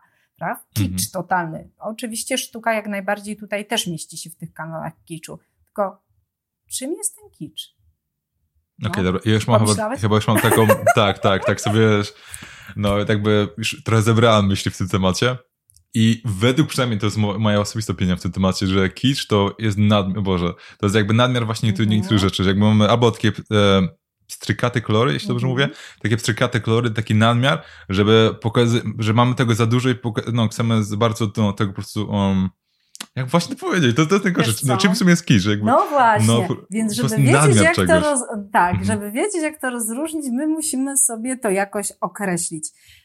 Taka jedna podstawowa cecha kilczu to jest taka, że on powstał po to, żeby ci poschlebiać, żeby schlebić odbiorcy. Mhm. On y, nie jest głęboki. On nie wyraża czegoś ważnego, czegoś wartościowego. On powstał tylko po to, żeby został ci wciśnięty. Kicz to jest mhm. coś, co nas ktoś wciska. Tak jak się kit komuś wciska, to się wciska nam kicz. Czyli to jest coś, co ma nam schlebiać. Tylko to najczęściej jest też masowe. To najczęściej jest słabej jakości, takie wciskane rzeczy na siłę. I chodzi o to też, że kicz jest i taka druga, druga jego cecha bardzo rozpoznawalna, bardzo charakterystyczna dla kiczu, on jest łatwy w odbiorze. Wręcz za łatwy. Jego może być dużo, tak jak ty powiedziałeś, może być czegoś za dużo. Na przykład y, kobieta może mieć wulgarny makijaż zbyt mocny i to wygląda przez to kiczowato jak ruska lala. Mhm. Mhm. Może być coś takiego. Kiczowato. I y, chodzi mi o to, że to może być za dużo, ale to jest proste w odbiorze. My się tam nie zastanawiamy, my nie doszukujemy się tego drugiego dnia, my nie zastanawiamy się, co artysta miał na myśli. Ale teraz powiem też jednocześnie coś kontrowersyjnego, bo zaprzeczę trochę sama sobie, ale myślę, że inteligentny słuchacz zrozumie, o co tu chodzi. Bo popatrz, bo taki artysta, malarz, Paul Gauguin. Jesteśmy we mhm. Francji. Paul Gauguin to jest kumpel, może za dużo powiedziane, ale to jest znajomy Vincenta van Gogha. Myślę, że tego pana to chyba za bardzo nikomu nie trzeba przedstawiać. I Gauguin zasłynął tak jakby w tym incydencie z uchem Vincenta van Gogha, bo właśnie potem jak się panowie wzięli za bary i posprzecza, posprzeczali dosyć mocno w żółtym domu w Arles, doszło pomiędzy nimi do takiej bójki, to Vincent stracił ucho. I nie wiadomo, czy to Van Gogh sam sobie je obciął, czy też Gauguin mu w tym nieco pomógł, bo są takie teorie. W każdym razie wybuchnął ogromny skandal i Gauguin zwiał na Tahiti. Swoją drogą to nawet Van Gogh mu podpowiadał swego czasu, że ty to byś tam mógł na te Tahiti sobie pojechać, bo tak popłynąć, bo ty świetnie przecież malujesz takie dziewicze krajobrazy. I faktycznie on za tą radą poszedł i uciekł od tego całego skandalu i smrodu właśnie na wyspy. I tam miał takiego no, plemiennego, nazwijmy to, ucznia, który podpatrywał Gogena, bo Gogen oczywiście był zafascynowany tą całą kulturą, tą taką pierwotnością, której co prawda już tam na Tahiti było coraz mniej, bo jednak kolonializm się szerzył, y, ale jednak on jednak szukał tej takiej a, esencji pierwotnej sztuki. Wyszło mu to zresztą mm. rewelacyjnie i miał takiego, no tam, tak, tak, taki z wioski chłopak do niego przychodził, podpatrywał Gogena i zaczął rzeźbić. I wyrzeźbił figurkę. Gauguin patrzy i mówi, wow, to jest piękne, niesamowite. Jejku, i w ogóle ty taki e, właśnie chłopak z ludu, który nie ma pojęcia, czym jest sztuka, tworzy takie rzeczy. On był zachwycony Gauguin. To była sztuka, to był artyzm. I ogromnie tego chłopaka pochwalił. Za parę dni gdzieś tam szedł sobie na jakiś rybny targ i tak idzie tą plażą, idzie, patrzy i stoi ten chłopak. Wokół niego jest rozłożonych 40 takich samych figureczek, które sprzedaje turystom. I tak oto sztuka stała się kiczem. W tym momencie to już był kicz. I Gauguin powiedział, ja już ci więcej niczego nie nauczę. To już nie jest sztuka. Więc ta masowość, ta y, łatwość w odbiorze, to, że my jako ludzie schlebiamy sobie, to chyba nawet Jerzy Pilch powiedział, że kicz jest mm, dla tych ludzi, którzy e, kicz w ogóle schlebia tym ludziom, którzy mają mhm. takie łatwe, zbyt łatwe wyobrażenie o sztuce. Mniej więcej tak to brzmiało, czyli my tak jakby Uważamy, że ten kicz, no patrz, jaki ja mam wspaniały obraz, a tak naprawdę jest to bohoma, bohomas, bo ty tam też mówiłeś o tym hiperrealizmie, że to jest takie um, fotograficzne odwzorowanie, bo to tak jest. W sztuce sztukę możemy podzielić na takie trzy etapy, tak jakby umiejętność tworzenia sztuki na trzy etapy. Jest mistrz i wtedy mówimy mhm. o arcydziele, jest rzemieślnik, Czyli ktoś, kto może na przykład idealnie coś odwzorować, ale nie włoży do tego duszy, serca, to ciebie nie poruszy i jest partacz na samym końcu, mm-hmm. czyli kicz. Okej, okay. wow, takie ładne zakończenie do tego wszystkiego. Ale też, bo, bo porozmawiać na temat kiczu, ale też chciałbym nadmienić, to też mam takie przemyślenia w tym temacie, ciekawe czy teraz jest burzysz czy nie, ale czy my za naszego życia możemy zobaczyć, jak powstaje arcydzieło? Bo teraz pytanie jest takie, że czy, bo przecież, no, zanim, e, e, zanim e, jakby zaczęliśmy nagrywać ten podcast, ja wspomniałem na temat Beksińskiego mhm.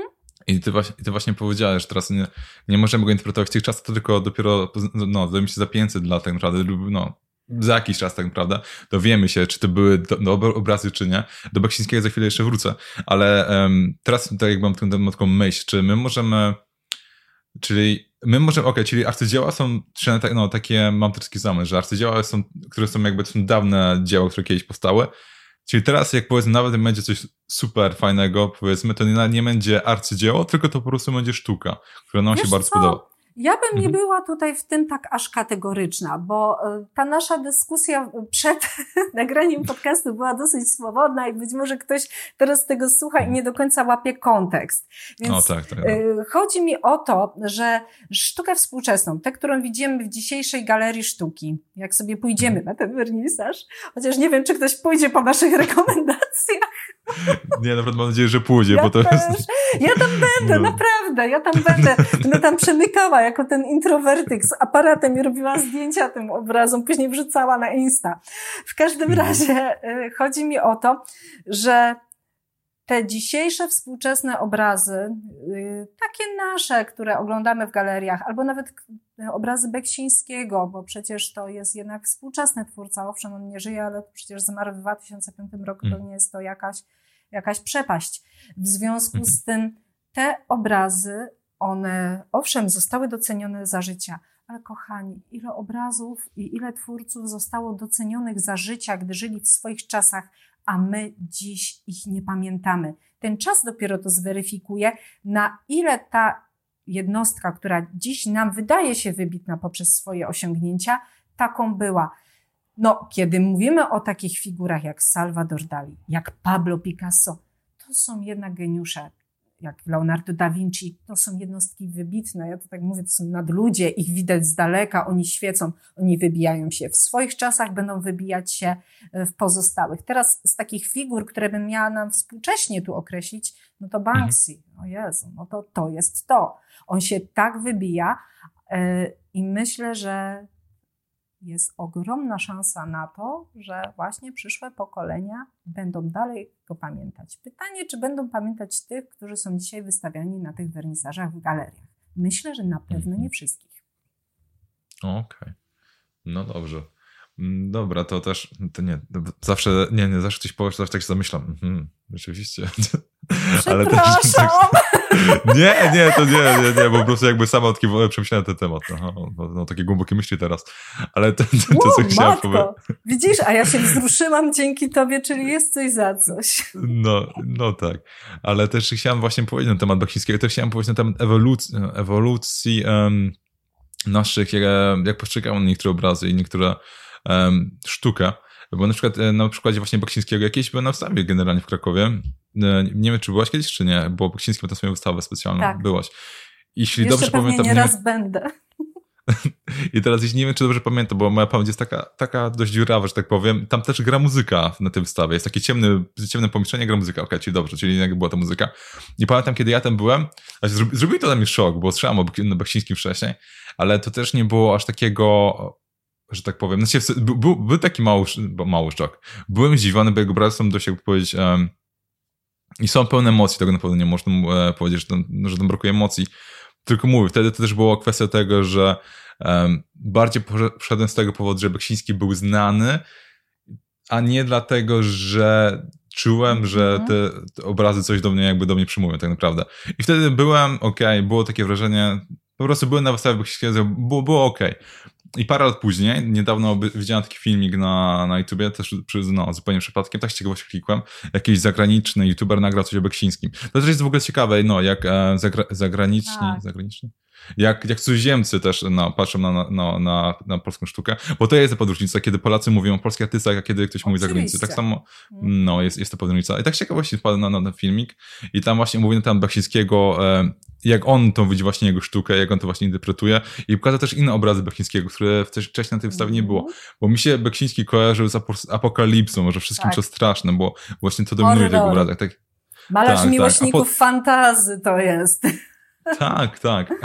Ale potem właśnie, e, jak widziałem ten właśnie, w ogóle ten film wrzucę też w opisie, żeby ktoś potem chciał sobie obejrzeć. I też, o, i też chciałem też odmienić, że te obrazy, które dzisiaj mówimy, postaram się wrzucić je też w poście na Instagramie później do tego całego odcinka.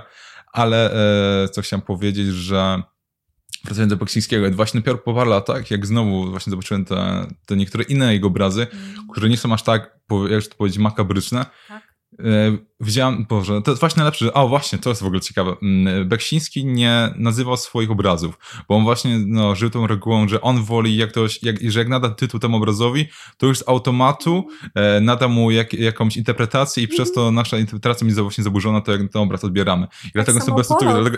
Dużo artystów o? tego A, robi. Tak, Dużo tak. artystów mm. unika nazywania obrazów, niektórzy je numerują, inni w ogóle nic nie dają. Mhm. To jest właśnie to dwojakie podejście. No i dobra. Mm. I on mnie nazywał A... do swoich obrazów i... I, I, dlatego tak się, w ogóle tak ciężko mi teraz powiedzieć, o jaki obraz teraz konkretnie chodzi. No, dlatego potem wrzucę go na Instagramie, postaram się przynajmniej, że um, był taki obraz takiego ciemnego nieba, to nie był taki właśnie te obrazy, które widziałem wcześniej, były takie straszne, że tak powiem. Takie emocje wywołały, wywoła, nie wywoła, wywoływały. Wywołały. Wiadomo, wywoła. tak, dokładnie, każdy wie o co mi chodzi. No i teraz jak widziałem jego takie, powiedzieć, normalne obrazy, że tak powiem, normalne obrazy, to były takie, to takie szokujące obrazy, ale nie były aż takie makabryczne. I to też właśnie bardziej pozwoliło też docenić jego sztukę, bo e, zobaczyłem tego, to taki obraz, nie wiem jak to powiedzieć, takie fi figury geometrycznie w niebie, było czarne niebo, to też był taki jego obraz, albo obraz jakby na plaży, który nie był dokładnie miłym obrazem, też był taki ciemny kolor i tak dalej, to jakby to panuje w jego obrazach cały mhm. czas, ale nie było aż takie straszne i to jakby e, dzięki temu może też dlatego, że też dojrzałem, może też właśnie też chodzi On o to, że... On też się zmieniał. On też mhm. się zmieniał bo to jedno to ty, drugie to on. Zresztą Beksiński e, tak trochę kokietował. On właśnie mówi, że on nie widział w tych swoich obrazach apokalipsy w ogóle. No jak w ogóle, ej.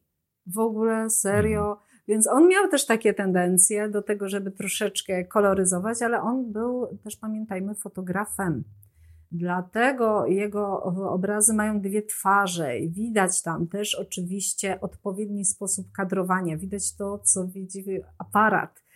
Ponadto mhm. on był ogromnym kolorystą. Ja tutaj zaskakuję mówiąc kolorystą, bo jak patrzymy na te obrazy, to one nam się wydają szaro-bure, ale właśnie w tych burych barwach, zgaszonych, tkwi największe mistrzostwo koloru nie jest sztuką malować niebieskiego błękitem pruskim. To jest naprawdę proste, bo bierzesz farbę i ciach, i masz. Jest niebieskie.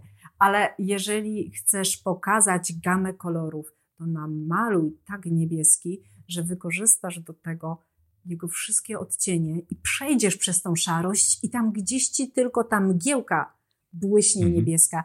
Zatem y, temat obrazu, to co powiedziałeś, to jedno.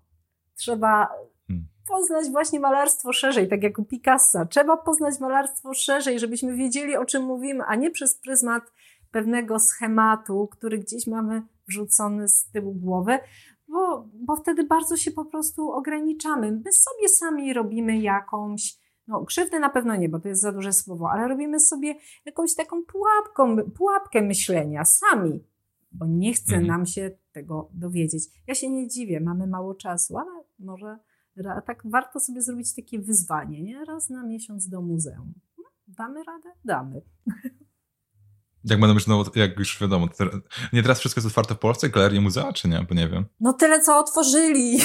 A, okay. tyle, co otworzyli, ale dają nam taki chyba dwutygodniowy okres próbny. Zobaczymy, jak to będzie dalej, ale dzięki temu właśnie mogłam pójść na ten pierwszy wernisaż popandemiczny. Nie ukrywam, zresztą bardzo udany bo to, mhm. co tam zobaczyłam, to, co tam usłyszałam, to na pewno jeszcze odzwierciedlę w formie jakichś postów e, w sieci, ale też planuję zaprosić malarza na rozmowę i tak jak ty ze mną teraz, to ja będę od niego mhm. wyciągała co ciekawsze smaczki.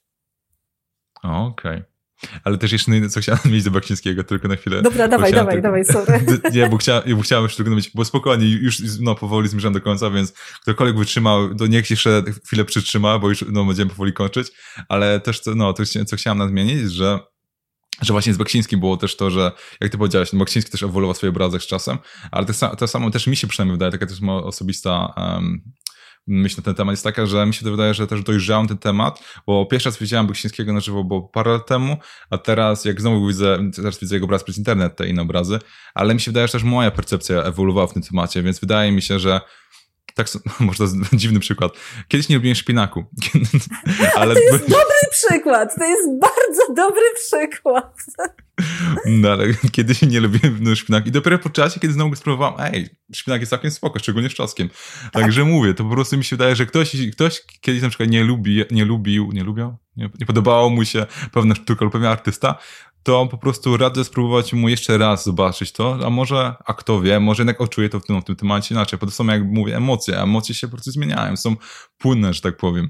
To też chciałem powiedzieć, żeby spróbować e, jeszcze raz te same artysty, którzy wcześniej nam jakby nie pasowali, taki ale szpinak. A i kolejnym to jest to, że w moim przypadku do tego, że w większości wypadków, e, jak widzę sztukę, to przy okazji chodzę do muzeów i jakby w, e, jest w ogóle jest taka dzielnica w Katowicach, nazywa się Nikiszowiec. Ty pewnie tak. kojarzysz, bo jesteś z tak. tych. Jest w ogóle mega urocza, także jak ktoś nie było w Nikiszowiec, w ogóle Katowice jest fajne miasto, ale Nikiszowiec, Nikiszowiec. jest taki ma swój własny, tak, ma po prostu własny indywidualny klimat, że Familoki z czerwonej cegły, z takiej tak. brązowo-czerwonej cegły. No pięknie. Tak, tak. No ale naprawdę, ale to, to jest jak, jak ta dzielnica jest w ogóle zbudowana, to jest tak. naprawdę super. W sensie O kurczę, to jest... Niech ktoś sobie po prostu potem wpisze. Nikiszowiec, no to zrozumiałem z pewnością, o czym mówię. Ale w Nikiszowcu kiedyś właśnie byłem i też przypadkiem, przypadkiem, no było to muzeum, wszedłem do muzeum, e, zobaczyłem te niektóre eksponaty, tak, tak dalej, tak dalej. Przy też na jakimś piętrze była galeria i zobaczyłem tą galerię i też byłem szokowany, bo istnieje coś takiego jak grupa Janowska. Mhm. jest, jest, jest to grupa e, artystów z, no... Amatorów z, no, z kopalni, górników. Tak, tak. I chyba też mieli jakąś siedzibę w Nikiszowcu, też dlatego niektórzy tak. raz tam były. Ale Przy generalnie Domu Kultury, chodzi o... kopalni Wieczorek, jak dobrze pamiętam chyba. No to tak mówię z głowy, nie... ale działali przy takim domu jak się... kultury, przy takiej kopalni właśnie, która tam mhm. funkcjonowała i, i malowali. Jak no szatany. i właśnie też, I też, też właśnie chciałem powiedzieć, że to też był chyba pierwszy raz taki, to pierwszy raz było coś takiego, że przeważnie jak widziałem sztukę, to jakby nie do końca mogłem się utożsamiać, bo to była sztuka właśnie zagraniczna, tak dalej, tak dalej.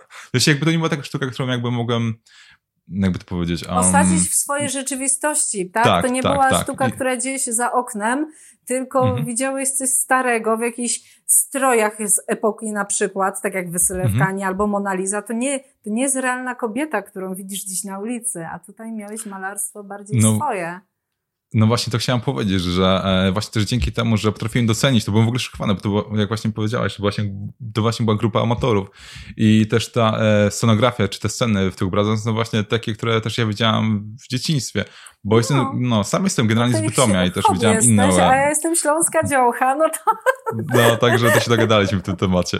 Ale chodzi o to właśnie, że, um, że właśnie jak widziałem Śląsk, Śląsk w tych obrazach, to w, no w tym temacie po prostu mogą się utożsamić. To pierwszy raz było tak, że wow, że jakby te obrazy jednak mają um, że to jest, jakby to powiedzieć, czułem taką konekcję związaną z tymi obrazami, bo mogę się właśnie w tym temacie utożsamić.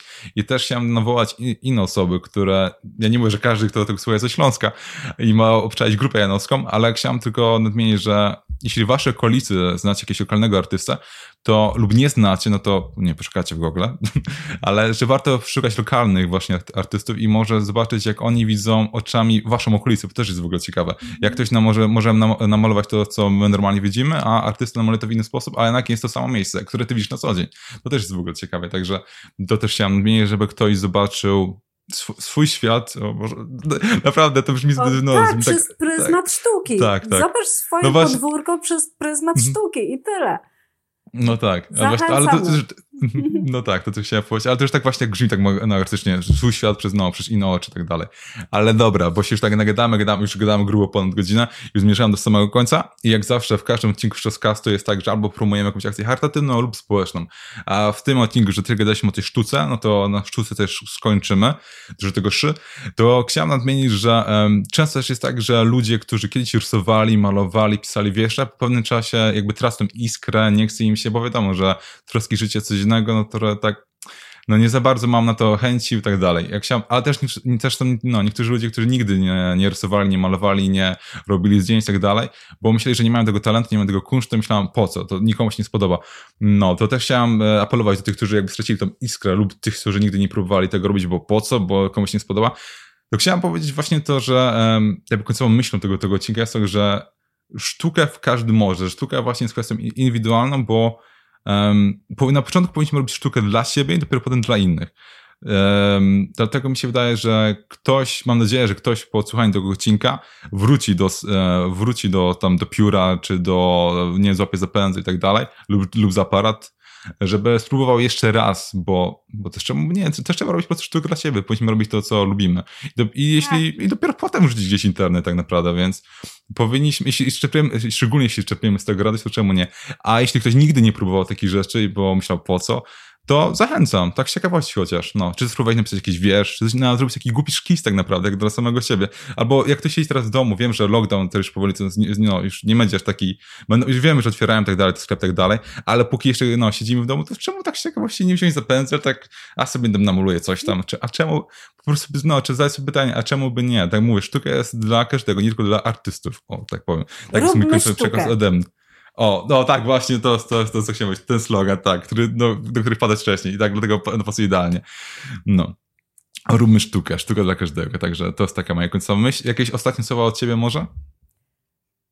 Mam nadzieję, że będziecie chodzić jednak na te wernisaże.